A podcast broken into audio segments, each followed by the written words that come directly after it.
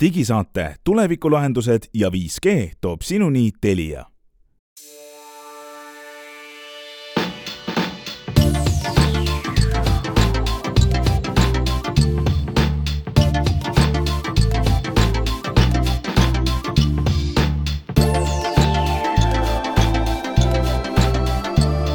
Tere, head kuulajad, nimetu digisaade alustab üheksateistkümnendal septembril sombusest, sombusest Eestimaast. sügiseni on kohal, aga meil on palju uudiseid koos sügisega, nagu ikka. ja räägime teile uuest äh, Apple'i nutiseadmete tarkvarast iOS kuusteist, mis on meil käes ja järgi proovitud. uurime, mis asi on Matter ja miks see on oluline meie kodus kuidas e-SIM-iga telefonide kasutamine muudab kardinaalselt äh, reisimist Eh, kuidas te saate annetada Eesti riigile väga lihtsat asja, iseenda kõnet. ja ilmselt jääb veel aega rääkida ka sellest, kuidas üks teismeline jällegi häkkis ära maailma miljardifirma ja krüptorahades käib kõva revolutsioon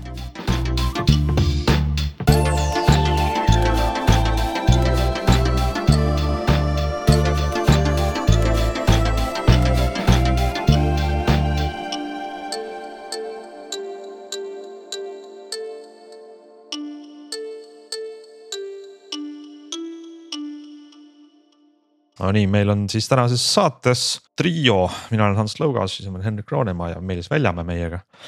ja kui eelmise nädala saade läks meil sellise tähe all, et vaatasime, mida riistvara poole pealt Apple oma sügiseses tootereviis näitas, siis tegelikult lõviosa inimeste jaoks suur uudis oli see, mis nende telefonidesse jõudis nüüd natuke hiljem uus tarkvara, selleks ei pidanud uut telefoni ostma, olemasoleva iPhone'iga saite siis juba. ilmselt kõik iPhone'i omanikud, julgeks loota, meie saate kuulajad küll, on iOS kuueteistkümne peale pannud, no näiteks ma teen küsitluse kohe, Meelis, sul on vist Android, Henrik, sul on vist Tõsi. iPhone. ja ma upgrade isin kogu perekonna ära, iPad'e no, küll ei saanud, seal on äh, iPad'i, iPad'il on ju selline asi vist, ei mäleta, kas varem on juhtunud, aga, aga see iPadOS kuusteist ei tulegi välja, vaid, vaid tuleb kuusteist punkt üks, et kuusteist jäetakse vahele, kuna ta ei saanud valmis. või siis leidsid mingi suurema bugi sealt. ja mingi, no ja mingid asjad, ma ei tea ka täpselt, aga midagi neil ei saanud valmis ja siis võeti vastu otsus, et äh,. iPad'ile seda kuuteist ei tulegi või noh, tuleb siis kohe kuusteist punkt üks, aga telefonidele tuli. mina panin selle teema meile sinna äh, saate faili ja ma panin sellepärast, et mina ei mäleta enam, kas me eelmistel aastatel oleme nii väga juttu teinud, et noh, et kuidas siis see uus on või, või mis seal on, aga, aga vot sel aastal äh, ikkagi üle tüki aja ma tabasin ennast kuidagi rõõmustamast selle uue iOS-i üle.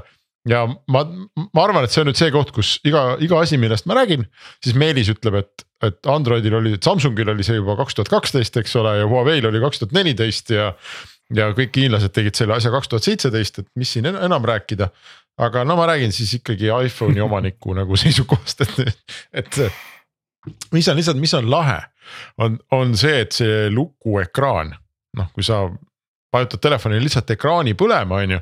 siis varem see oli iPhone'il sisuliselt tühi, kui välja arvata kuupäev ja kellaaeg. Siis no ja sa nägid, et ma ei tea, palju sul akut on ja siis nüüd on Apple siis lahkelt lubanud sinna inimestel panna kaks widget'it või, või no vist võib ka vist rohkem olla, mina panin kaks. rohkem ikka võib olla. üks rida, see on aga üks rida, et mm -hmm. äh, nii palju, kui sinna rea peale mahub neid ikoonikesi. siis äh, ja, ja mis on, see, see ei ole midagi nagu noh, kuidagi eriti super olulist, mina panin niimoodi, et vasakul on siis äh, välisilm, et palju sooja on parasjagu. ja kas päike paistab või ei paista ja paremale panin siis korraliku pika selle aku äh,, noh et palju mul akut veel täpselt on ja siis, kui mul AirPodsid on ühendatud, siis ta näitab selle akut ka ja ma muidu võiks panna vist oma mingit, äh, ma ei tea, päeva jooksul tehtud samme ja, ja Apple nagu fitness'i neid äh, näitajaid.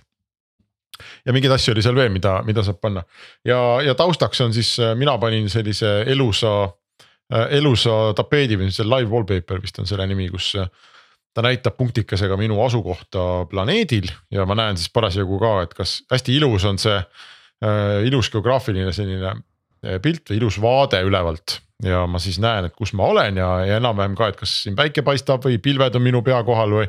justkui ma vaataks ise, iseenda peale nagu kosmosest äh, alla, mis on jumala lahe mm. -hmm. et äh, ja, ja see ei ole nagu suur asi tegelikult, kui nii võtta, eks.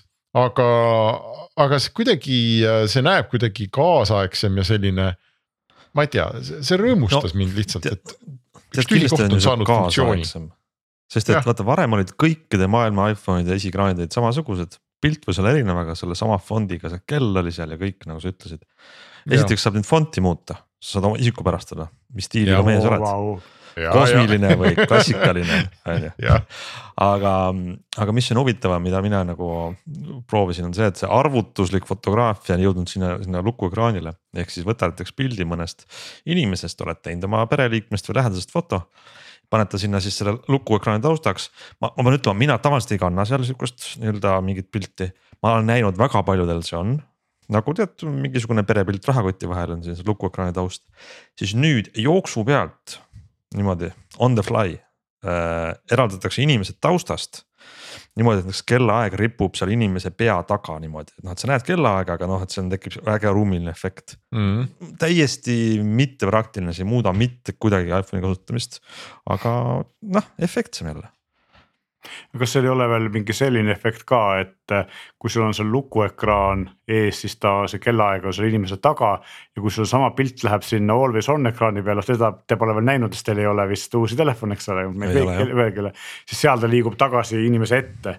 ehk siis see on ka nagu seesama, näitab just. seda jõudlust, eks ole, ja seda sellist graafilist tugevust on ju ja, ja, ja isegi noh, siin on isegi nagu ei ole mitte selline super ilus portree, kus inimene on taustast eraldatud, vaid mul oli suhteliselt hägune mingisugune pilt, kus mm -hmm. inimese juuksed lehvivad ja, ja see on kui... päris elutruu mm. -hmm. ma ütlen siia vahele, kui Androidi kasutajad, kui Hendrik ütles, kuidas hakkan rääkima, kuidas kõik asjad juba olemas ja paremad, siis eh, tegelikult see nende widget ite kasulikkus või, või see, kui, kui mõistlikud nad on äh, iOS kuueteistkümnel. Androidil ei ole need nii head, ehk siis see on nagu päriselt äh, ikkagi Apple on seal ees praegu päris arvestatavalt mm., et kindlasti kloonitakse varsti järgi, aga. ja, ja ma arvan, et see käib kähku jah, ja, aga mis on veel lahe on see, et neid koduekraane saab olla mitu et Just. Äh, no näiteks tööpäeval mul on mingisugune mm, -hmm. eks ole, kus mul on mingid tööpäeva widget'id. ja siis ma ei tea, puhkepäeval või, või õhtupoole ma lihtsalt ühe sõrmeliigutusega sisuliselt saan selle vahetada siis mingisuguse teistsuguse vastu, kus on teine taustapilt ja teised vidinad. ja, ja ma, ja ma tegelikult isegi äh, noh, ma ei, ma, ma olen nagu võidelnud selle vastu, et kui, et see tehnika minu ümber ei ajaks mind nagu liialt närvi, et äh, ma ei taha mingeid plönne, eks ole, mingeid tohutuid teadaandeid kuskilt ja, ja ma mingis mõttes ka ei tahaks nagu seda, et.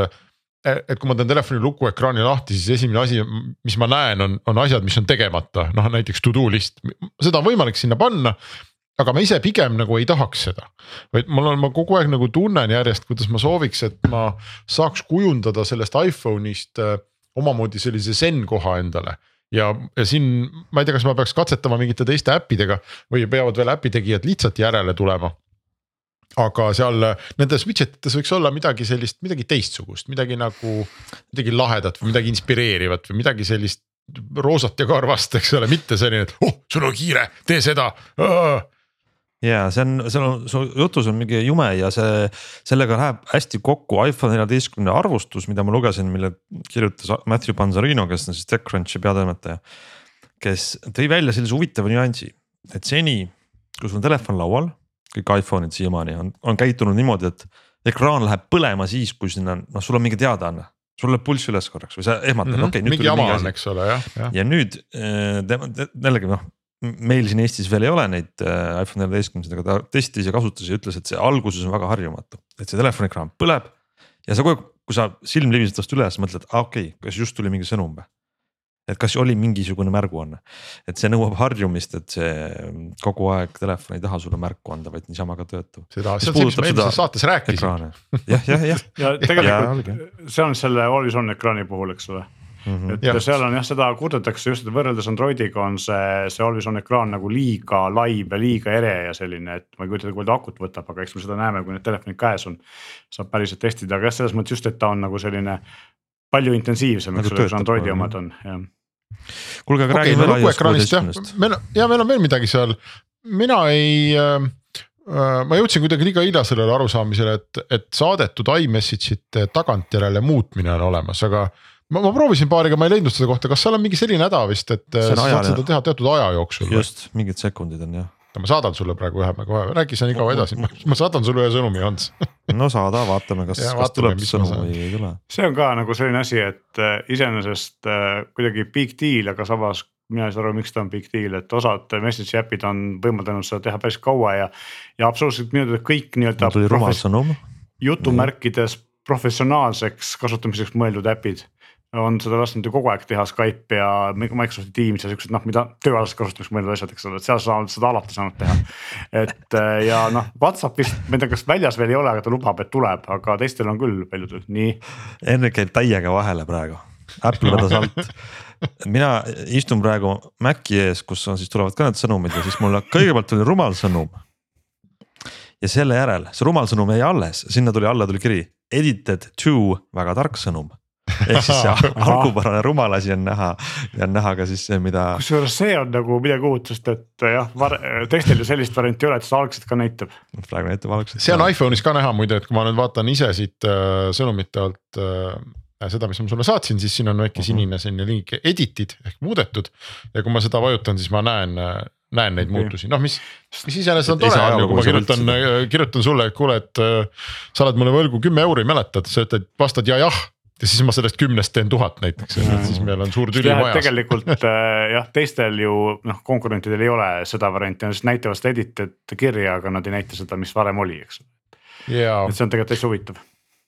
viisteist minutit muide on see aeg, et, et sa nüüd noh, pead suht kiiresti ümber mõtlema kui sa leiad sealt mingi vea, aga no ma arvan, see ongi täpselt see, et saadad ära ja mõtled, issand seal oli mingi viga, noh, see on tagantjärgi kõigile näha, et väga piinlikke sõnumeid ei tasu endiselt saata ehm,. mis me veel oleme leidnud, Hans, jäi sulle veel miskit silma? tead, ma proovisin seda uut, uut Baski funktsiooni, funktsionaalsust, mis on nüüd olemas, see on päris lahe. see on see parooli asendamise asi, ma ei ole päris lõpuni aru saanud, mis asi see on, et äkki on paslik praegu rääkida. see on nüüd niimoodi, et ma lähen ühele oma telefoniga ühele veebilehele, kus öeldakse, et palun tee konto ja see on mulle väga vastik ja tüütu ja ma vajutan seda nuppu teie konto, võib-olla see leht küsib mult ühte välja, kasutaja nimi. ma panen oma kasutaja nime ja ma tahan ja midagi muud ei, ei pane sinna, ei pane sinna oma parooli, ei midagi muud. vajutan teie konto ja siis telefoni siis peale hüppab, et kas sa soovid selle äh, saidi konto pääski salvestada. ja kui, siis salvesta oma näotuvastusega või sõrmejälge või mis sul parajasti on ja, ja pärast, kui ma tahan sinna sisse logida, samamoodi ma lihtsalt hüppab lahti siis selline selle iPhone'i enda nagu native või loomulik, mitte, mitte brauseris olev, vaid telefoni enda siis parooli või näotuvastus. ja need taustal siis on siuksed paroolid genereeritakse, mida mina ei näe, mis salvestuvad siis sinna keychain'i. toimivad nii telefonis, ka siis arvutis ja edasi ja, ja põhimõtteliselt kaob ära kogu paroolindus. konto tegemine tähendab, ma valin kasutajanime ja salvestan selle oma seadmesse ja, ja sünkroniseerin teistesse. Ainukene siis miinus on sellel, et noh, põhimõtteliselt ma ei tea veel ühtegi saiti laialt levinud, mis seda tehnoloogiat kasutaks. aga, aga nii-öelda kliendi pool ehk siis meie kasutajate pool on olemas ja see ei ole ainult Apple'i asi, eks, see on ju, see, see on standard. üle suurte, üle firmade kokku lepitud yeah. nagu standard, et seal on ju Google'id ja Google. Microsoftid ja mm -hmm. kõik äh, nagu sees, et. et tundub suht kindel öelda, et see on nagu paroolinduse tulevik milline sait on Hanso, kas see oli sul mingi testisait või? just täpselt, üks testisait on sihuke, et testiks teie konto ja värk ähm,. aga kuna ta on see, see, selline, see, see liit on nii-öelda üle, üle ühe tootja, siis võiks arvata, et ikkagi läheb lendu see standard WebAuthn. mina proovisin seda foto asja see on palju lihtsam kui see sinu parooli jutt, ega see, eh, kui ma teen foto kellestki või millestki. no ütleme, ma teen oma koerast foto, koer istub tänaval ja siis äh, hoian oma sõrme, ma teen selle foto lahti, on ju, ja hoian sõrme koera peal, noh nagu ma tahaks teksti copy paste ida, aga hoian selle fotol koera peal. siis iPhone nüüd ise lõikab koera või ükskõik lapse, auto, jalgpalli taustast välja ja mulle tekib äh, selline valge taustaga siis äh, pilt, mida ma saan noh salvestada fotodesse või saata kellelegi või ja see see nagu tegelikult noh, ta põhimõtteliselt töötab nende piltidega, mida mina proovisin, ma sain saata aga väga vähe oli neid pilte, kus ta tegelikult ikkagi nagu hästi töötas. et need välja, see välja lõigatud osa oli ikkagi suhteliselt karvane ja mingit tausta paistis sealt kõvasti ikkagi kuidagi läbi ja. noh, inimese pea ümber oli ikkagi mingisugune taustasäbru oli näha ja noh. ja kõigele lisaks ma ei saa päris täpselt aru, et see on nagu lahe funktsioon võib-olla, mida laval nagu demoda aga mis milleks? selle no praktiline väärtus on, et, et kui ma teen koerast pildi. nojah, aga võib-olla see on, ma ei tea, ma teen no näiteks mingist tšekist pildi kuskil laua peal ja tahan sulle saata, on ju, et siis hoian sõrme selle. ka ei häiri nagu mind. nojah, et see on, ma ei tea, ühesõnaga on, on, on olemas asi. on olemas jah. aga võib-olla sellele leiutatakse mingi geniaalne ähm, uus rakendus, ma isegi ei tea. Ja kas oli veel midagi seal sellist äh, olulist, minu meelest ah,, mis on oluline, tasub ära mainida, need, kes uuendavad iOS kuueteistkümne peale. keset iga koduekraani tekib äh, väike nupuke search. ma ei tea, kas sa panid Hans tähele seda, sulle tekkis sul ka või? jube vastik, sest search ida saab teatavasti juba aastaid niimoodi, et sa sealt keset ekraani lihtsalt taustalt tõmbad pöidlaga alla ja siis tuleb Just. Äh, otsinguaken. ja mulle tundub et, et üheksakümmend üheksa koma üheksa protsenti Apple'i kasutajaid ilmselt ei tea, et selline asi on võimalik. ja Apple seetõttu pani äh, eriti äh, juhmidele ja kasutajatele pani siis selle search nupu ja nüüd mul on iga jumala koduekraani peal on mingisugune nupp search keset ilusat taustapilti. ja sellest saab lahti Lähed settings ja home screen ja siis seal on äh, mingisugune koht, kus sa saad äh, seda search'i nuppu sisse ja, ja välja lülitada, see on ka settings ja home screen'i all. et soovitan kõigil teha. aga rohkem Väga mul ei ole selle iOS kuueteistkümne kohta vist midagi öelda. mul ka ei ole, sihuke ta tuli ja sellisega. ja, ühesõnaga see lukuekraan on lahe, kasvõi sellepärast tasub uuendada ja muide tuli ka äh, koos iOS kuueteistkümnega tuli viisteist seitse kui ma nüüd peast ütlen, ühesõnaga uuendatud versioon viieteistkümnest, kes ei taha minna kuueteistkümne peale, aga on mingid eriti olulised turvauuendused. ja see tuli ka iPadidele, nii et iPadid saavad siis viisteist seitsme ja, ja telefonid saavad valida, kas viisteist seitse või kuusteist. kõik, järgmine teema järgmine teema tegelikult me saame sellest tiivustuda esimesest teemast, et iOS kuusteist punkt ühes järgmises väljalaskes peaks olema siis laiem tugi Matteri seadmetele. Äh, ja tegu on jällegi ühe sellise huvitava uuendusega, mis ei ole mingi Apple'i enda tehnoloogia, vaid laiem. Äh, ja ma mäletan, et Meelis, kui me rääkisime sinuga, sa olid IFA-l ja rääkisid seal, äh, su jutust käis läbi sõna matter. jah. tee, tee kõigepealt selgeks, mis see matter üldse on? Matter on protokoll lihtne see ongi, tegelikult see nagu kolmesõnaline seletus, mis mitte midagi ei ütle, eks. et äh, tegelikult on Matter siis ähm, see maagiline kaste, mis peaks kõik äh, erinevate tootjate nutikoduseadmed omavahel suhtlema panema. ehk siis, kui siiamaani oli see, et kui see oli asi, mis töötas Apple HomeKitiga või Samsungi SmartThingsiga, SmartThings on üsna, üsna mm -hmm. lahtine tegelikult või mingi kolmanda-neljanda asjaga, siis nad omavahel ei tahtnud suhelda ja, ja inimeste jaoks on see hästi keeruline, sest et äh, nutikoduseadmeid on päris palju ja mõned on odavad ja mõned on kallid ja. mitte keegi ei tea, mida valida ja siis, kui sa valid ühe asja, siis vaatad, oh, et mulle tegelikult meeldib see teine asi ka ja siis ma ostan neid ja siis tuleb välja, nad omavahel ei räägi, eks ole, ja see on. see on üsna tüütu ja keeruline ja, ja noh, tegelikult väga frustreeruv ja sellepärast äh, suuremad tootjad on aru saanud, et see ei saa kaua kesta, et alguses oli küll küll äh, kõigil soov, eriti suurematel tegijatel, et teeme ise ja küll siis äh, kõik äh, kliendid meie paati hüppavad, et Apple HomeKitiga mõtles seda, eks ole, ja Google on seda mõelnud ja ilmselt Amazon on seda mõelnud, küll me selle turu ära võidame.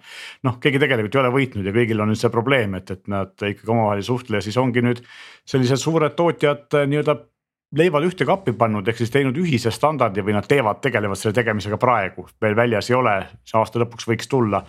et äh, ongi noh, lootus on see, et see saab olema nagu ikkagi korralik asi, sest et seal on taga nii Apple kui Google, kui Microsoft, kui Samsung, kui Amazon, kõik väiksemad tegijad seal juures, eks ole, nii et mis see siis näiteks on..., kas sa kujutad no, ette, mida see praktikas tähendab, et. no praktikas ma võin sulle tuua siis... ühe praktilise näite. Äh, mina, mis minul oli endal probleemiks, et mul on siin Äh, näiteks köögi äh, tasapinna peal on äh, IKEA nuti need nii-öelda lambid, eks ole, mis on siis see tasapinna valgustid ja mõned mm -hmm. veel ja siis mul on mõned Xiaomi asjad.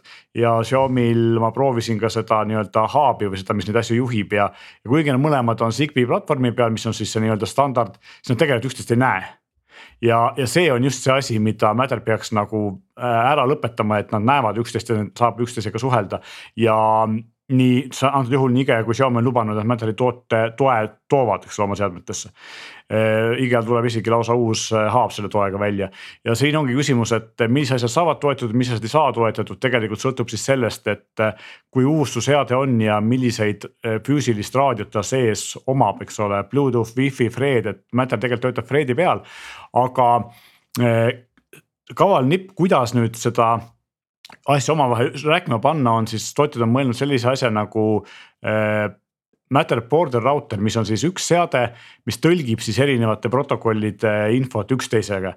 Ja tegelikult see võib olla ükskõik mis asi, eks ole, et see ei pea enam olema spetsiaalne haab nagu vanasti nutikodul oli, ta võib olla, ma ei tea, telekas, eks ole, või, või mingisugune äh, lamp, eks ole, et, et lihtsalt tal on see raadio seal sees, ja päris paljud olemasolevad asjad saab konvertida siis tarkvara uuenduse tulevikuseks border router'iks.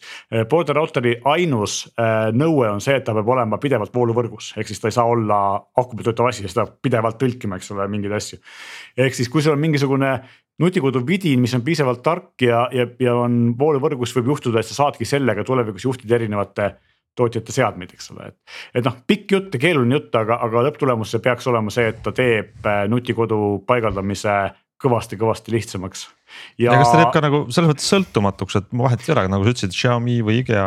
jah, siis on lihtsalt see, et sa pead eh, noh vaatama seda, et, et seal on mõningad nüansid, eks ole, et see praegu e-, esimene versioon Matteri, mis tuleb, on see on hästi lihtne, et seal on see, et noh sisse-välja lülitus, eks ole, ja võib-olla mingisugune heleduse reguleerimine, siuksed asjad. ta ei toeta turvakaameraid esialgu ja ta ei toeta keerukamaid operatsioone, kui sa tahad seal mingisuguseid protokolle või mingeid äh, asju teha, siis selleks pead minema ikka selle seadme äppi, eks ole, aga, aga noh mõte ongi selles, et saad nagu lihtsamaid operatsioone juhtida. sisse-välja äh, lülitada. just ja noh, mida iganes, eks ole, et, et ei ole seda probleemi ja Yves näitas, Yves, kes on siiamaani olnud Apple'i partner ja teinud ainult äh, siis äh, HomeKitiga asju näitas, kuidas nende nii Alexa kui, kui Google seadmete pealt sai neid nende vidinaid juhtida. ja ükskõik kellega sa rääkisid, ma rääkisin Easewiziga, ma rääkisin Arloga ja TP-Linkiga ja kõik nad ütlesid jah, et, et, et kõik küsivad selle kohta. ja kõik äh, noh, me, me kõik nagu tahame seda teha, eks ole, ja, ja Eevil näiteks oligi, ma ütlen kogu putka oli Materi klepikaid täis iga võimalik pind. nii et kõik nad ütlesid, et jah, me väga aktiivselt töötame selle kallal ja loomulikult meie seadmed uuendatakse selle peale ära, nii et vähemalt uuemad seadmed. Kas see tähendab, Meelis, et need äh, igasugused muud äh, nutikodu standardid, no mingis mõttes ka Apple'i HomeKit on ju see, see mm. selline standard, et need nagu kaovad ära või see Matter ehitatakse sinna kuidagi peale, ta on igal tootjal jälle natuke erinev või kui, kui palju Mina me julgeme nagu loota sellest? et ta ehitatakse sinna peale ja tegelikult, miks nad on seda kolm aastat teinud ja miks need esimesed versioonid tulevad ikkagi siuksed väga äh, lihtsad või, või vähese funktsionaalsusega ongi see, et nad tahavad garanteerida punkt üks, et asjad kõik tegelikult ka töötaksid. et ei oleks seda, et ostan kirjas on materjali support'id ja tegelikult ei tööta, eks ole. et see oleks nagu raudkindel ja teine asi ongi siis see, et, et ka sellised firmad, kellel ei ole võib-olla väga palju seda arendusvõimekust endale, et need siis Google, Amazon, Samsung ja Apple teevad ise API-d, mis, mille integreerimine oleks nagu tootjale lihtne, eks ole et nad ei peaks väga palju vaeva nägema sellega ja midagi seda ära lõhkuma ja, ja nutikodu vaata üks suuremaid probleeme on need tarkvara uuendused, eks, et kui sa Just. kord mingisugused pagana lambid või pirnid endale kuhugi kruvid, noh siis. mina ja sina ja, ja Hans, me oleme noh hullud, me oleme imelikud, on ju, me käime vaatame, et äkki on uuendusi ja. äkki on mingi turvaauk ja ma vean kihla, enamus inimesi ei taha midagi sellest kõigest teada ja siis. meil on kodud mingid aukslikke seadmeid täis. isegi meie jaoks on see, et kui sul on IKEA lamp mille, mille tuleb kriitiline turvauuendus selleks, et seda installida, pead sa lülitama kuus korda sisse, siis ootama kolm sekundit, kaheksateist korda välja, eks ole, et see nagu see asi on nii keeruliseks tehtud, et see on nagu isegi meile keeruline. aga kas, aga kas Matter seda nagu kuidagi seda küsimust ka nagu peaks lahendama huvitav, tekib mingi keskne ma, tark turvauuenduste. ma tegelikult, ma tegelikult kahjuks ei usu seda, et, et ma, ma arvan, et nii ei ole jah, et, et ikka iga, iga firma peab vist, ilmselt nad äh, panevad sinna paika mingisugused äh, reeglid, ma tean seda, et näiteks Matter üks reegel on see, et kõik ühendused peavad olema krüpteeritud, eks ole, mitte ühtegi asja ei tohi olla nagu avalikult. et see on nagu ja noh, mingid teised asjad on siuksed veel, aga kindlasti eh, mingid asjad jäetakse tootjate enda õlule ka aga kas tavatarbija nüüd peale selle, et me kuskilt äh, karbi pealt seda Matteri logo nagu vaatame või ma mõtlen, et mis, mis on see, mida me ise nagu tarbijatena saaks ja peaks üldse nagu tegema, kas me peame ka midagi uut ostma või see on ju lihtsalt. esimese asjana on pigem see, et vaatame jah tuntud asjade või selles mõttes tuntud tootjate selliseid paremaid ja uuemaid tooteid, need ilmselt hakkavad kindlasti toetama. jätkuvalt tasub vältida Aliekspressist või kust iganes ostetud tundmatuid Hiina nutikoduseadmeid, nagu, nagu me oleme varemgi rääkinud. aga jah, selles mõttes ilmselt ega me kindlad olla ei saa seni, kui me lõpuks ikka ostame toote, mille karbi peal on see Mädari logo. ja tegelikult eks seda näitab ka ju, ju praegune hetk, kus ega väga palju uusi nutikoduseadmeid välja ei tule ja ma arvan, et see ongi sellepärast, et kõik ootavad seda, et see protokoll nagu saaks ja kõik saaks oma karbi peale selle logo panna, eks mm. -hmm aga ma mõtlen lihtsalt, et meie tarbijatena nagu noh, meil ikkagi jääb lihtsalt istuda üle, üle istuda ja oodata, eks. just ja loota, et need, mis meil olemas on, need töötavad. selle Mätteri tulekuks. täpselt et..., ega väga ei saa jah, aga saamegi sellega, et võib-olla kas siis tasub see nutikodu asja ost natuke edasi lükata või siis mm -hmm. vaadata selline toode, mis noh, ülimalt tõenäoliselt seda ikkagi toetama hakkab, sest et. et kui sa võtad ikkagi sellise noh, tegelikult Mäteril on koduleht ja seal on olemas tootjate nimekiri, kes on seal nagu liikmed ja kelle tooteid hakkavad toetama, eks ole, aga. aga jah, kui sa võtad nagu suurema tootja, tuntuma toote, siis ilmselt ei ole probleemi ja, aga ma arvan, et see mõte, et seda nutikodu asja ütleme mingi noh, elektripirni võid või, nagu osta, aga ma mingit sellist suuremat projekti ikkagi praegu igaks juhuks ette ei võtaks, eks. ja, et minul on äh, samamoodi näiteks noh, samamoodi, et üks näide sellest, et mida saab teha, mida ei saa teha, mida ka tulevikus ei saa teha, minul on ka paar. kui me räägime siin energia tarbimisest ja kokkuhoiust, paar LED-Vance'i, kes vanasti vist oli Osram nutipesa, mis siis eh, lülitavad mul seadmeid sisse-välja vastavalt ajastusele või telefonist, eks ole, ja. ja ühtlasi näitavad ka nende asjade voolukulu.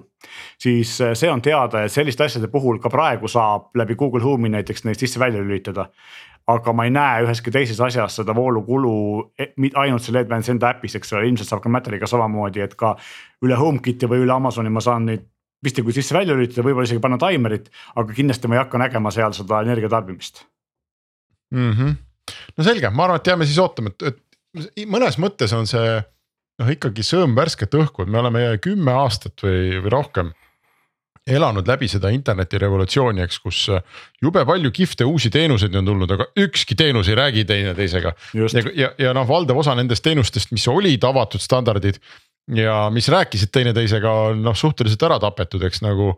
Google noh, sisuliselt Google tappis RSS-i vähemasti selle, sellisel uudiste tarbimiskujul ja, ja igaüks teeb mingisugust oma värki ja keegi ei taha kellegagi rääkida, eks ja. Minu, minu Apple'i, minu Siri ei räägi sinu Alexaga, eks ole, nad ei saa aru teineteisest. et, et see, kui need suured midagi koos teevad, noh me oleme tegelikult isegi me just rääkisime ju sellest Baski asjast, et just. jälle suured teevad koos. et lausa kaks suurt projekti juba siin. Äh, jah, mulle, mulle tundub, et mulle tundub, et see selgroog on selle koha pealt murtud ja on aru on saadud, et kõiki asju ei saa üksi teha, mingeid asju saab, mingeid asju ei saa, eks ole. et kui tarbija pettub, siis pettub ta kõigis, eks ole, see on kõigi jaoks halb. ja tegelikult äh, noh, kolmas asi, mis siia Metali pool juurde tuua kiirelt on see, et tegelikult mul ei tule see nimi meelde, aga ka suured kodumasinatootjad üritavad sama asja teha, et siin Samsung, LG, Haier. Schneider, eh, Beko, seal on veel teisi suuri tootjaid, ma tean, et keda ei ole, seal on Bosch, kellel on see oma mingi home connect süsteem. aga ühesõnaga, et ka nemad üritavad teha sama asja, et vahet pole, kelle oma sa kasutad, omavahel rääkida oskavad, kui sul on. ma ei tea, LG pesumasin ja Samsungi kuivati, siis üks saab aru, et ahah, et programm lõppes ja saab edasi saata, et kuule, et ma pesin niimoodi, et kuivata sina nüüd sellise, selliste seadetega, eks ole, et. et, et see, et see peaks nagu ka olema, praegu see töötab ainult sama firma tootja, toodete vahel, eks ole, aga siis see ühilduvuse suunas nad liiguvad samuti. No jumal tänatud, parem hilja kui mitte kunagi. just, tore, küll tuleb see tõotatud maa ükskord. Ehm, vaatame edasi ja Henrik, ma saan aru, et sul on ka nüüd muljeid e-SIM-iga telefoni reisides, telefoniga reisides. ja ma tahtsin lihtsalt kiiresti ära märkida, see ei ole mingi uudis mitte kuidagi, aga sina rääkisid meile kunagi esimest korda siin saates, ma ei mäleta, kus sa käisid, oli see USA-s või kuskil mujal, et. sina mingisugusest dotcom'ist äh, tellisid endale kohaliku e-SIM-i telefoni ja siis minul oli kevadel, äh, kus me käisime, Omaanis ja seal ma ei tulnud selle peale, et ähm, ma elasin nagu väga kalli või ma ei tulnud vähemasti alguses selle peale, et ma elasin väga kalli äh, gigabaidi hinnaga. ja, ja siis, kui ma seda kasutama hakkasin, siis ma sain aru, et see on põhimõtteliselt nagu viimaste aastate parim mobiiliteenus peaaegu noh, Smart-ID-ga nagu võrreldava tähtsusega, ma ütleks, et, et. sa mõtled seda, et e-SIM-iga endale võtta kohalik SIM või mingisugune? jaa, mhm. andmeside mm, -hmm. et, et, et meil on tegelikult on ju ka palju selliseid riike, kus, kus inimestele meeldib reisida ja kus ei ole mingit nagu Euroopa Liidu andmesidet, eks tegelikult äh, ma ei tea, kuidas, ma pole nüüd tutvunud, pole ammu käinud ka, et mis on Suurbritannia pakettides Eesti mobiilioperaatorite jaoks, aga aga Šveits näiteks, kus ma hiljuti käisin, oli kallis Ehm, noh, inimesed käivad, käivad sealsamas Araabia maades käivad, äh, Egiptuses käivad, Marokos käivad, USA-s käivad, eks. rääkimata kaugematest riikidest ja, ja siis, äh, siis Euroopa Liidu andmeside sind nagu väga ei aita. pluss sul on mingid Euroopa Liidu gigabaidid tõenäoliselt sinu paketis. aga võib juhtuda, et sul on neid väga palju vaja. võib-olla sulle sellest mõnest, mõnest gigabaidist ei piisa, eriti välismaal mm. -hmm eks ole, fotod, videod, mingid Waze'id. noh, veebis surfamine, mis restorani me lähme, kus hotell on, noh seda kogu aeg kulub. ja, ja, ja mina olen nüüd isegi võtnud Euroopasse lihtsalt, kui vähegi pikem nagu olek noh, võib-olla kuni nädala saab, saab hakkama, aga, aga see protsess on ülilihtne. see on ja neid pakkujaid on palju, mina kasutasin, on selline Hispaania oma nagu Olafly Äh, mida ma olen kasutanud, siis see sinu soovitatud Airalo. just Airalo ja see jah. ma ei tea, minu meelest need on kümnete kaupa Mina..., need on kõik ühesugused küsiks paar küsimust siia, kuna ma ise pole kasutanud seda. palun, esimene oli, oligi see, millele sa ära vastasid, kas see vahetamine on lihtne, et ma saan aru, et on lihtne. no näiteks seda Airalo kogemust. Eestis on see päris keeruline, nii et äh, seal või... ma räägin, kuidas see käib, see nii. käib niimoodi, et sa kõigepealt lähed guugeldad, et e-SIM, ma ei tea Maroko uh, unlimited või kümme giga mm, -hmm. no midagi guugeldad, eks siis on mingid võrdlussaidid isegi tekkinud mm. -hmm. ja siis sa lähed valid ühe pakkuja. ja, ja see pak- ja need pakkujad on tegelikult uh,. Nad on sellised, et neil on väga paljudes maailma riikides on need e-SIM-id võimalikud, seesama Olafly, seesama Airalo. sa lähed nende kodulehele ja ütled, et vot ma olen nüüd siin Marokos, ma ei või ma ei tea, Hispaanias kuu aega, tahan saada kümme giga või unlimited. Nad annavad sulle hinna, maksad ära oma, oma krediitkaardiga noh, nagu iga asja eest internetis mm -hmm. makstakse ja siis saad vastu QR koodi. ja siis selle QR koodi, mina olen ainult iPhone'iga kasutanud, ma nüüd Androidi ei tea. aga, aga suunad siis oma telefoni kaamera sinna QR-ile, näiteks see on sul arvuti mhm. ekraanil mm. -hmm. ja siis põhimõtteliselt äh, juba tekibki küsimus, et kas sa soovid lisada data plan'i mm -hmm.. tööjõuistu ajada data plan ja siis äh, ütled jah, jah ja põhimõtteliselt sul on telefonis siis kaks SIM-i on ju, et Eesti Aga oma jääb tööle ja kohalik ka töötab ei, see, nad on paralleelsed. Ei, ma saan aru, minu küsimus on see, et minul on näiteks Eestis oli, oli see mure, et no mul on, mul on võib-olla teistsugune probleem, mul on kogu aeg kaks SIM-i ehk siis mul ongi dual SIM ja minul oli see, et ma testisin, see oli eelmine aasta, kui ma testisin äh, Samsungi Flip kolme, mis on siis see mm -hmm. point of telefon, millel on samamoodi nagu iPhone'il, eks ole, et kui tavaliselt Samsungi telefonidel on kaks füüsilist SIM-i pesa ja sellel on füüsiline SIM, e-SIM nagu iPhone'ilgi. ja siis mul ongi isiklik SIM oli siis füüsiline SIM ja, ja tööSIM eh, Telia oma. ma siis vahetasin e-SIM-i vastu, sain oma QR koodi ja nüüd juhtub see asi, et kui ma nüüd tahan vahetada telefoni tagasi siis ma mingil ma ei saa aru, mis põhjusel ei saa kasutada sama QR koodi teises telefonis, ma lähen skännin uuesti, mul on see teises telefonis number, ma pean taotlema Telialt omale uue QR koodi. mis no, mingil hetkel okay. tuleb, et see on nagu minu arust tehtud nagu jaburalt keeruliseks ja, ja tüütuks ja lõpuks ma loobusingi, läksin, võtsin endale füüsilise SIM-i uuesti. oota, mis asi on keeruline, et sa saad ühte e-SIM-i, tahad kahte erinevat füüsilisse telefoni saada? ei, ma tahan nagu vahetada sama e-SIM-i jah, teise telefoni samamoodi nagu praegu tõstan SIM-kaardi teise telefoni. ma tahan sedasama mm. e-SIM-i või sama QR koodi kasutada teises telefonis seda see probleemi ei lahenda jah, sest see on ikkagi mõeldud, sul on üks füüsiline telefon, kus sa vahetad SIM-e.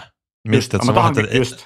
eri, eri füüsilistes telefonides, selle jaoks on vana hea plastik SIM ikkagi, kus on kiirelt. just, aga, aga see noh, see ongi, et siis see nagu põhimõtteliselt muudab osaliselt mõttetuks selle teenuse, eks ole, et. see teeb keerulisemaks kui, see teeb keerulisemaks kui kui see on väga lihtne, sellepärast et e-SIM-i vahetus telefonis on kiirem kui füüsilise SIM-i vahetus. ma saan aru, aga e-SIM-i tegemine, ma pean selleks minema, mul on see sim-, mul on see QR kood olemas, miks ma pean uuesti minema operaatorile sisse logima, taotlema uut, ootama, kuni see mulle meili peal tuleb, siis ekraanil no, ilmselt sellepärast, et äh, keegi teine sedasama QR koodi üle. ma tean, et äh, tegelikult äh, Apple on nüüd te, tegeleb sellega aktiivselt, et neil on loodud mingisugune protokoll, mis võimaldab siis nii-öelda kloonida uude telefoni, kui sa upgrade'id, eks ju teise uue iPhone'i peale seda e-SIM-i ka automaatselt üle.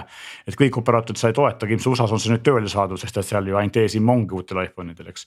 teine küsimus mul Endikul tegelikult oli, oli see, et hinnavahe, et kas see hind, mis e-SIM-iga sellele datale tuleb. on siis nendes riikides, kus sina oled proovinud äh, sama või odavam kui füüsilise SIM-iga, sest ma täna just vaatasin ühte videot äh, Lewis Istengeri ehk siis äh, Unbox Therapy oma. kus ta ütles näiteks Indiasse vahe võib olla kuni kümme korda on e-SIM-i teenuste pakkujate hinnad kallimad kui füüsilise SIM-i puhul. no see on täitsa võimalik, ma ei tea, sest et äh, minul on see reisidel see nagu füüsilise SIM-i ostmine on alati jäänud selle taha, et no kes see viitsib. ma pean minema võõras kohas mingit kioski otsima, mingi tüübiga Kolmas, seal arutama midagi. kolmas küsimus oli mul veel, mis tuli sellest sellega meelde, et äh, päris paljudes riikides on ju see, et SIM-i ostmisel tahetakse dokumenti, aadressi registreerimist ja asju, et kas e-SIM-i puhul see asi on kõik nagu nüüd siis nagu pole vaja või? dokumente ma pole küll pidanud kellelegi okay. näitama, aga vist oma nime ja telefoni, nime ja emaili mhm. aadressi, noh konto pead looma, on ju, aga ma küll ei mäleta mingit dokumenti. Saksamaal oli vahepeal ju lausa niimoodi, et sa pidid, pidid, sa pidid olema Saksa elanik sa pidid valetama endale aadressiks hotelli aadressi või mingi sellise asja, eks. nüüd on ei, nad, nüüd on nad läinud nagu nii kaugele ikkagi, et kui sa oled Euroopa Liidu kodanik, siis sulle antakse. see on muidu huvitav jah. mugavusteenus. et mm -hmm. ma mäletan ka, kui, kui ma sattusin reisima Brasiiliasse, kus on väga range see kontroll ja passiga sa ei osta SIM-kaardi tõesti kioskist.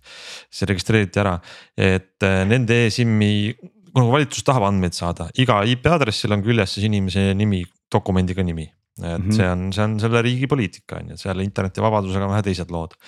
et ilmselt e-SIM-i teenusepakkuja vahendab valitsusele ikkagi mingisuguseid andmeid, sellepärast et ta ei saa regulatsioonidest mööda hiilida sellega aga noh, ikkagi on see te teenus selle võrra kiirem ja mugavam. mugav, kui, kui see teenus hästi töötaks, oleks ju väga suurepärane teenus. ei, ta töötabki hästi, mina olen näiteks noh, ma olengi hetkel Hispaanias, eks võtsin kuu lõpuni kümme gigabaiti, maksin vist seitseteist euri selle eest, noh, selline ühekordne mm -hmm. ost. Või oli, ma ei mäleta, mingi selline summa ja unlimited oli äkki kakskümmend seitse, no ühesõnaga suurusjärgud on sellised. ja, ja ma sain selle minutiga aktiveeritud, on ju, ma ei pidanud otsima minema -hmm. mingit hispaanlast mingit, mingis kioskis ja, ja küsima, ma olen Movistari võrgus. ja kõik lippab, ainuke mm -hmm. asi, mis on huvitav minu meelest, ma ei tea, kas teistes riikides ka, aga siin Hispaanias Äh, ma ei saa numbrit, ma ei saa telefoninumbrit. aga see ongi ju, see ongi ju andmesidepakett ainult sul. Jah, just jah, et, et mm -hmm. sa ei saa helistada okay. nagu kohalikke kõnesid, inimesed ei saa sulle helistada. Ähm, et see on äh, tavalise SIM-iga sa ikkagi saad numbri ka, ma eeldan, et see on lihtsalt see prepaid või nagu. tegelikult alguses ju jah, et tegelikult Eestis või see primaarse e-SIM-iga saab ikkagi ka telefoninumbri, aga e-SIM kui selline tuli ju alguses just datateenusena, eks ole, iPadil ja, ja ka Apple Watchil, kus noh, Apple Watchil vist on number, ikka on datateenuseks läinud, on ju, põhimõtteliselt.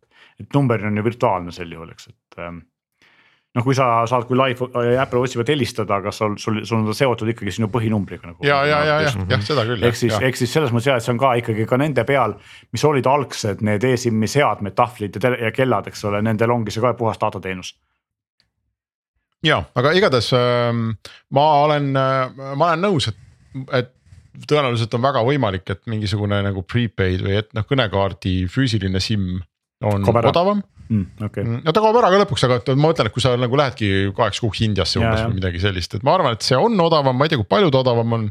võib-olla on, võib-olla ei ole, aga no lihtsalt see mugavus, et sa laekud kuhugi on ju ja sul on minutiga sisuliselt mm -hmm. on, on telefoni SIM ja see töötab, noh, see, see on väga, väga nagu hea, sul on reisil niikuinii sada asja, millele sa pead mõtlema, eks ja.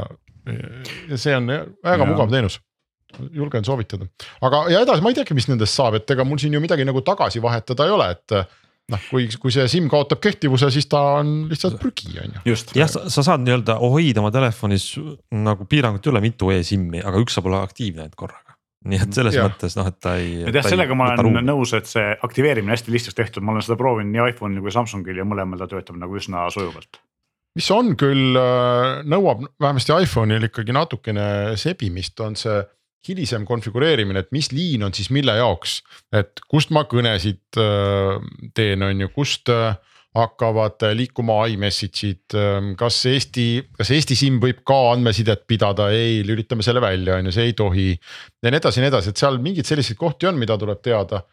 ja, ja no ma näiteks avastasin, et mingil põhjusel minu telefon tahtis, õudselt tahtis hakata helistama selle Hispaania äh, e-SIM-iga, kus ei ole isegi numbrit. Ja, ja mis oli veel huvitav äh,, pidin siin äh, Swedbanki äh, kõnejärjekorras olema. Ja, ja seal nad äh, võimaldavad sind ju telefoni teel tuvastada. et kui see inimene seal Swedbankis kõne vastu võtab, sa oled juba Smart-ID-ga sisse loginud kõne käigus, sa pead toksima oma neid äh, kasutajatunnuseid. Siis äh, kuna mul oli Eesti numbriga oli data välja lülitatud, aga kõne käis Eesti numbri pealt, siis, siis oligi data väljas, et see Hispaania SIM ei suutnud samal ajal datat teha, kui Eesti SIM-iga oli kõne. ehk et Smart-ID ei töötanud. ma ei saanud ennast telefoni teel autentida, noh sain mobiil-ID-ga, sest SMS, see käib SMS-iga. ja see -hmm. see töötas see oli selline huvitav avastus.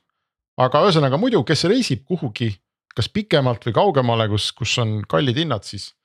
no ja üks väike meelde. nüanss on veel, mida tuleb arvestada, võib-olla mõnel on sellised äh, vajadused, et, et kus võrgus sa nagu paistad virtuaalselt, siis näiteks Airalo teenusel. oled Ameerikas, Ameerika mm, andmesidevõrgus, aga su IP aadress on teises riigis tegelikult, ehk siis see oli, kui ma õigesti mäletan, Poola IP aadress, sellepärast et see.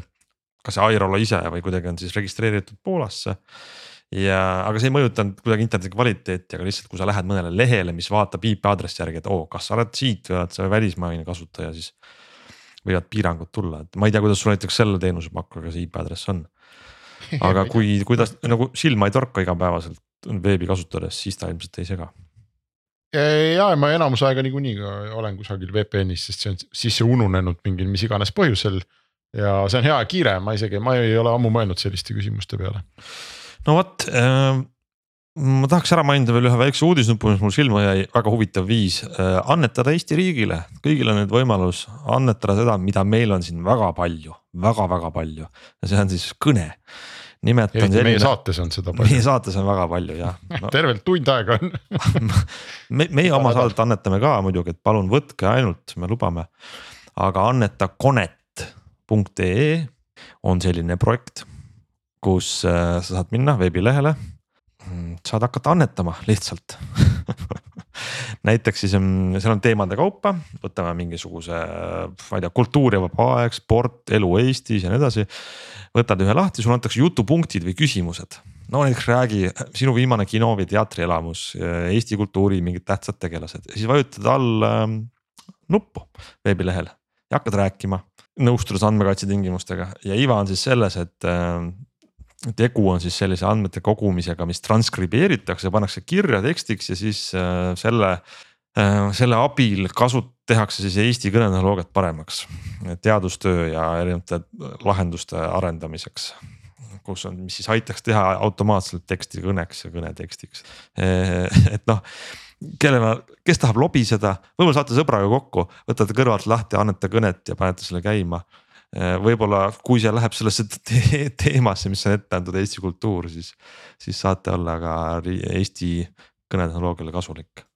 muide, kokku on, äh, me salvestame siin reede õhtul, hilisõhtul seda saadet, siis praeguseks on annetatud kakskümmend üks tundi ja üksteist minutit aga siin tuleb, see on päris naljakas, see on natuke nagu koolikirjand, et see ei ole nagu jah, tõesti mitte, et ma noh, lihtsalt mulisen midagi, vaid siin on ikkagi teemad näiteks siin on teema äh, loodus ja keskkond, võid valida.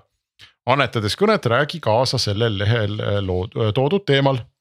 milline on sinu suhe loodusega, kuidas kliima soojenemine hakkab meie elu mõjutama, kuidas motiveerida inimesi rohkem ühistranspordiga liik liikuma ja nii edasi. et see on ikkagi eesmärgistatud, et lihtsalt tühja juttu ei, ei saa ajada. mis paneb mõtlema, ei tea, kas nad nagu kaevandavad sellest kõnest ka ideid, vot see oleks järgmine. ja just ja teevad ka hääletuvastust, no tõenäoliselt on seal andmekaitse tingimused ähm,. aga IT teemad on ka, näed, me, et me räägime siin, et äh, kuidas saaks Eesti riik läbi IT-lahenduste oma kodanike elu paremaks muuta. kas Eesti tiiger on magama jäänud, millised digiteenused vajavad parandamist ja nii edasi. ja nii, et äh, minge proovige, kellel on vähe huvi katsetada. tulemusest üksikuna tahab tahaks või siis näiteks ka inimesed, kes ja muidu noh ma ei tea, käivad, kommenteerivad kuskil anonüümselt või helistavad nendesse raadiosaadetesse. jah, helistage sinna parem. valige sinna peale, rääkige masinale. See on midagi kasu ka sellest teie jauramisest. Ja, ja saate ise südamelt ära ja masin kuulab tänulikult ja seal on muide huvitav nüanss ka, et see ei ole probleem, kui te ei räägi mm, sellist keelt nagu mm, Margus Saar ETV-s. sellepärast, et kõikvõimalikud murdekeeled ja variandid on ka toetatud, ehk ma proovisin, lugesin kõne sisse ja siis ma sain märkida ära, et kas mina räägin mingis murdes või mitte, mis on tegelikult väga oluline -hmm. kui Siiri hakkab aru saama, et näed see on nüüd siis, see on Saare murrak või see on Võru murrak ja oskab vastata isegi, et see on päris äge oleks sa proovisid ise teha erinevaid murrakuid? ei, ma tegin puhast seda vanilla eesti keelt. niisiis äh,, ma arvan, et saate lõppu mm, mis, mis on päris huvitav asi sellest nädalast, mis äh, jäi silma, turvauudised Uberi maailmast on nagu ikkagi. mingi üheksakümne neljandal aastal üks film oli Hackers kus ühed äh, poolteismelised murdsid sisse ja tegid igasugu pulli ja mulle tundub, et selle filmi mingi taaskehastus on toimunud, sest et üks kaheksateistaastane häkker. no tegi Uberiga kõike, mida võis teha, ehk siis sai ligi sisevõrku, postitas Slackis töötajatele sõnumeid, tere, ma olen häkker, ma häkkisin Uberi ära. Google Workspace kontod, Amazoni teenused, kõikjale sai sisse ja lubas isegi avaldada siis äpi lähtekoodi see on iseenesest no ühtepidi on nagu loogiline, et enamus häkkerid ongi teismelised või väga noored, eks ole, sellised. aga mis on põnev või, või teist noh, kummaline on see, et selline firma nagu Uber, kellel on olnud nagu omajagu probleeme ja samas neil on nagu omajagu raha, nii et nad võiksid äh, oma turvalisust, võiks eeldada, et nende turvalisus on parem.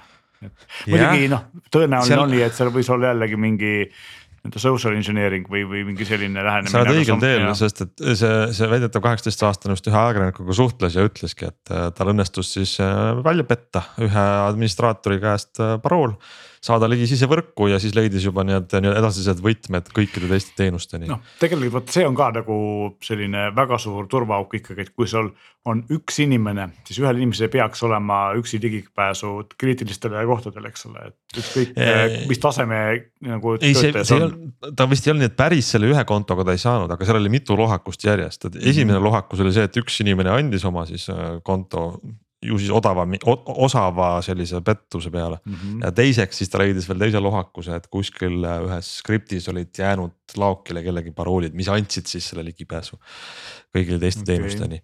nii et noh, täielik äh, selle kohta on inglise keeles roputussõnad ainult Uberi jaoks, kuidas, et, et selline, selline noh no, nii siruli on.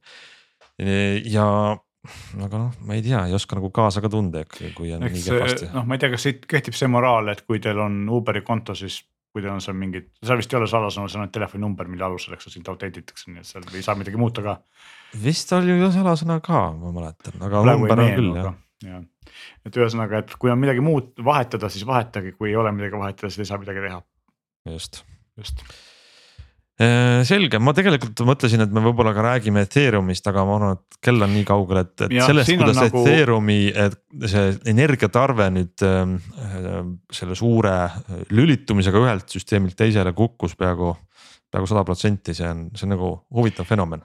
Jah, iseenesest on see, et mina olen ju aastaid rääkinud, kui me sellel teemal natukene siin nagu räägime, et, et see proof of work ehk siis selline kaevanduse põhine asjade tõestamine on nagu iganenud ja see ei saa olla jätkusuutlik mitte mingil juhul, praeguses energiakriisi tingimustes ei saa kohe üldse olla jätkusuutlik. ja mind paneb veidi imestama, et Bitcoini ja muid selliseid, no Bitcoin on kõige suurem siiamaani, eks ole ikkagi. et mm -hmm. neid lastakse nagu ilma mingisuguste suuremate sanktsioonideta edasi tegutseda enamus riikides, eks ole, et siin noh, et riigi, riik ei ole kuidagi hakanud pitsitama neid väga suuri energiakulutajaid tegelikult jah, äh, selles mõttes on see Ethereumi pööre selline eeskuju, et, et nad suutsid selle. kuidas see metafoor oligi, et, et mitte liikuva sõitva auto peal mootorit vahetada, vaid ütleme sõitva kosmoseraketi peal vahetada mootorit. tehniliselt oli see kindlasti väga huvitav ja, ja põnev samm, eks ole, et võib-olla keegi kunagi räägib täpsemalt kes on tark või sa ise oskad rääkida kunagi, kuidas see käis, aga, aga jah, selles mõttes on see, on see põnev küll. aga noh, üleüldse mina olen kogu aeg arvanud, et nii-öelda selline anarhia, mis selles krüptomaailmas toimub selles mõttes, et üks asi on see, et see on nii-öelda jaotatud teenus, eks ole, et kõik see tõestused on ju meie arvutites, eks ole, põhimõtteliselt, et see ei saa olla jätkusuutlik, sest ühel hetkel saab. see on nagu torrenti põhimõte, et, et lõpuks eh, kellel saab kopa ette, ei viitsi enam jagada, siis see võrk kukub kokku, eks ole, või jääb järjest väiksemaks, on ju, et. et tegelikult ikkagi selliste saarte või mingisuguste pisi, pisikeste serverite, mis, mis, mille üles, üleolek on garanteeritud olemasolu, peaks olema selle vajalik äh, sellise jätkusuutlikkuse saavutamiseks, et muidu. noh, ilus idee, aga see ei saa praktikas väga hästi toimida igavesti, mulle tundub.